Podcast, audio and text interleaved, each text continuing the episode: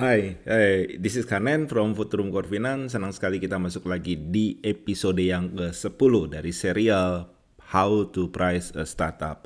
Oke, saya sangat excited kembali untuk menceritakan soal ini. Dan saat ini kita sudah mulai berbicara menyangkut pre-money valuation dan post-money valuation. Oke, jadi uh, ini ada satu persamaan valuasi yang sangat basic sekali, yang fundamental sekali, yang bagi founder startup perlu dipahami dengan baik Ya.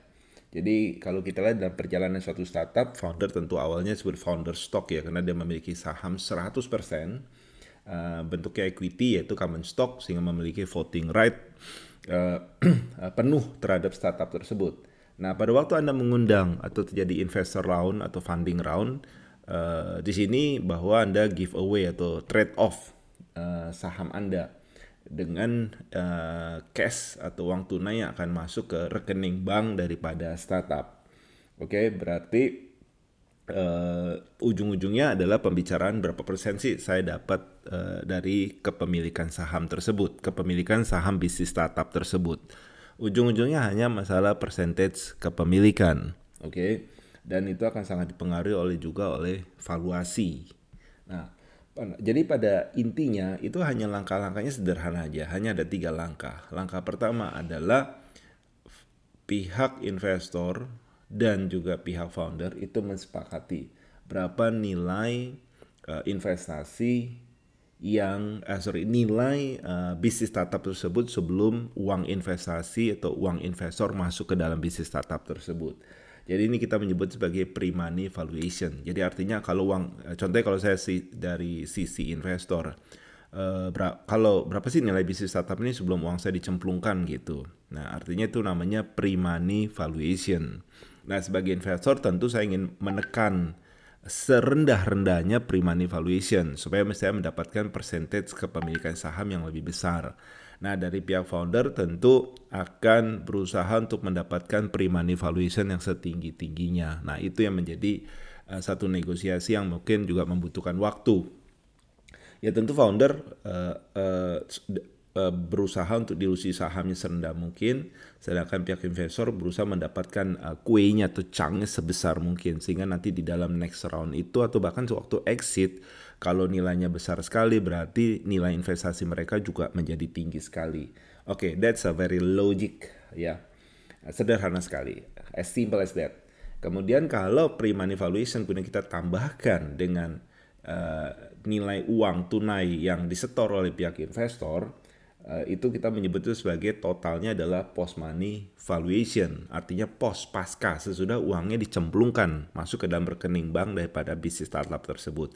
Dan pada saat itu kita menyebut sebagai funding roundnya sudah di close nah kemudian daripada nilai investasi atau nilai uang yang dicemplungkan oleh pihak investor dibagi dengan post money valuation itu adalah percentage kepemilikan uh, investor Nah, atau dengan kata lain ini merupakan founders delusion. Ya, oke. Okay? Uh, kita akan memberikan contoh begini. Misalnya pada waktu Anda mendekati seorang investor atau bahkan starting around lah, Anda berpikir sebagai seorang founder, oke okay, nilai nilai bisnis startup saya ini saat ini katakan 2 juta US. Saya butuh uh, 300 ribu US. Oke, okay, saya buka kalkulator saya jadi Anda butuh 300 ribu US, kemudian Anda katakan pre-money valuation Anda adalah 2 juta US. Oke. Okay? Kemudian tentunya Anda akan melakukan negosiasi yang alot dan sesudah negosiasi dia dia katakan misalnya, ah aku eh, apa dari pihak seed atau angel investor ini bersedia nego dan akhirnya hanya mensepakati bahwa uh, pre-money valuationnya dari tadi 2 juta US katakan turun menjadi 1 juta 500 US.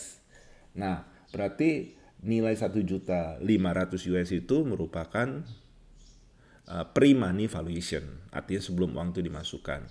Kemudian kalau kita plus 300 ribu US, kita dapat komitmen daripada, atau Anda bisa meyakinkan angel investor, kemudian dia tetap tidak uh, bersedia memasukkan 300 ribu US, Berarti 300 ribu US tambah 1 juta 500 menjadi 1,8 juta US.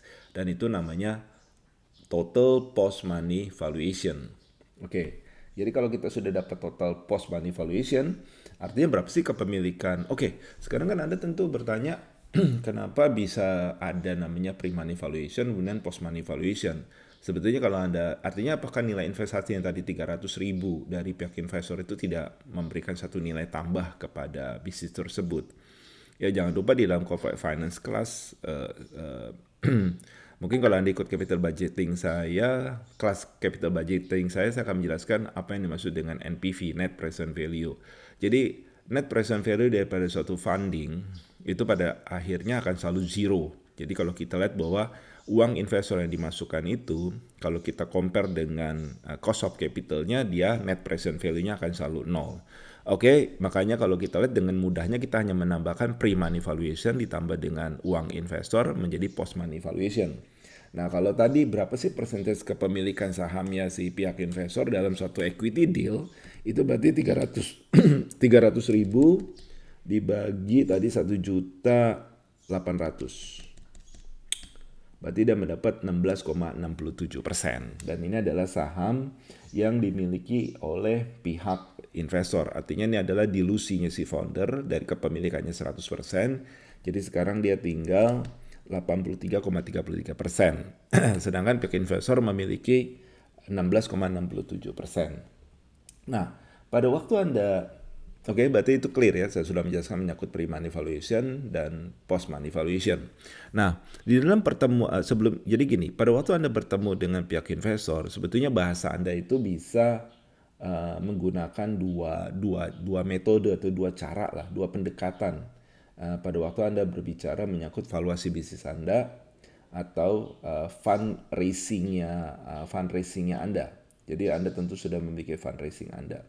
Oke, okay, Uh, sebelum saya masuk ke dalam dua metode, dua pendekatan tersebut, tadi bagaimana yang tadi satu juta lima ratus tersebut ya, uh, yang pre-money valuation karena banyak uh, nanti di dalam episode berikutnya saya akan menjelaskan. Jadi munculnya satu juta lima ratus atau dua juta uh, pre-money valuation yang diminta oleh founder dan akhirnya dari proses negosiasi menjadi 1,5 juta uh, USD itu bukan berasal dari uh, thin air ya dari out of nothing tapi tentu ada metode-metode yang bisa dipakai untuk melakukan valuasi terhadap suatu bisnis startup yang masih pada early stage atau kita menyebutnya pada seed stage uh, bisa jadi juga pada saat masih belum ada uh, pre-revenue, belum ada revenue yang terjadi.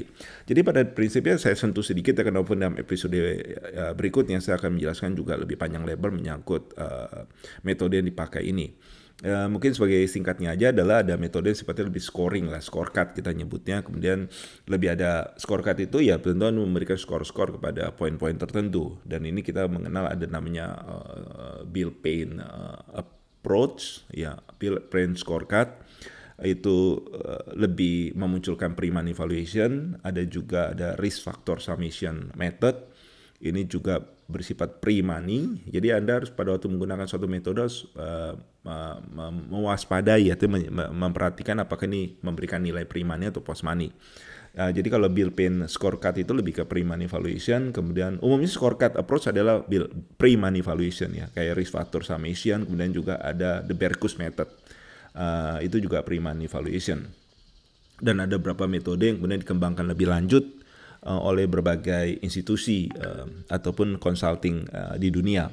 Tapi ada juga metode yang kemudian diperkenalkan salah satu profesor finance uh, di Profesor William Salman, singkat saya itu uh, di tahun 1987 dalam satu papernya dia memperkenalkan istilah namanya venture capital method dan ini memunculkan post money valuation dan ada uh, dan juga ada first, first Chicago method yang uh, itu salah satu bank di US yang First Chicago National Bank dan ini juga memunculkan namanya post money valuation. Oke, okay? berarti uh, kita sampai di sini aja dan saya akan lanjut dalam episode berikutnya yang menjelaskan bagaimana pada waktu Anda bicara dengan seorang investor, ini ada dua approach, dua pendekatan, dua bahasa yang bisa Anda pakai. Dan mudah-mudahan bisa melengkapi Anda di meja negosiasi. Oke, okay, sampai ketemu dan jangan lupa kunjungi terus website saya www.futurumcorvinan.com di mana saya menulis banyak uh, blog yang menyangkut startup juga dan corporate finance topic dan silakan mengajukan pertanyaan Anda kalau Anda memang memiliki beberapa hal yang ingin Anda klasifikasi uh, klarifikasi dengan saya.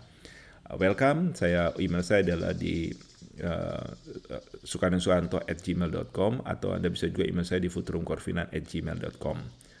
Oke, sampai ketemu dan terima kasih. Ciao.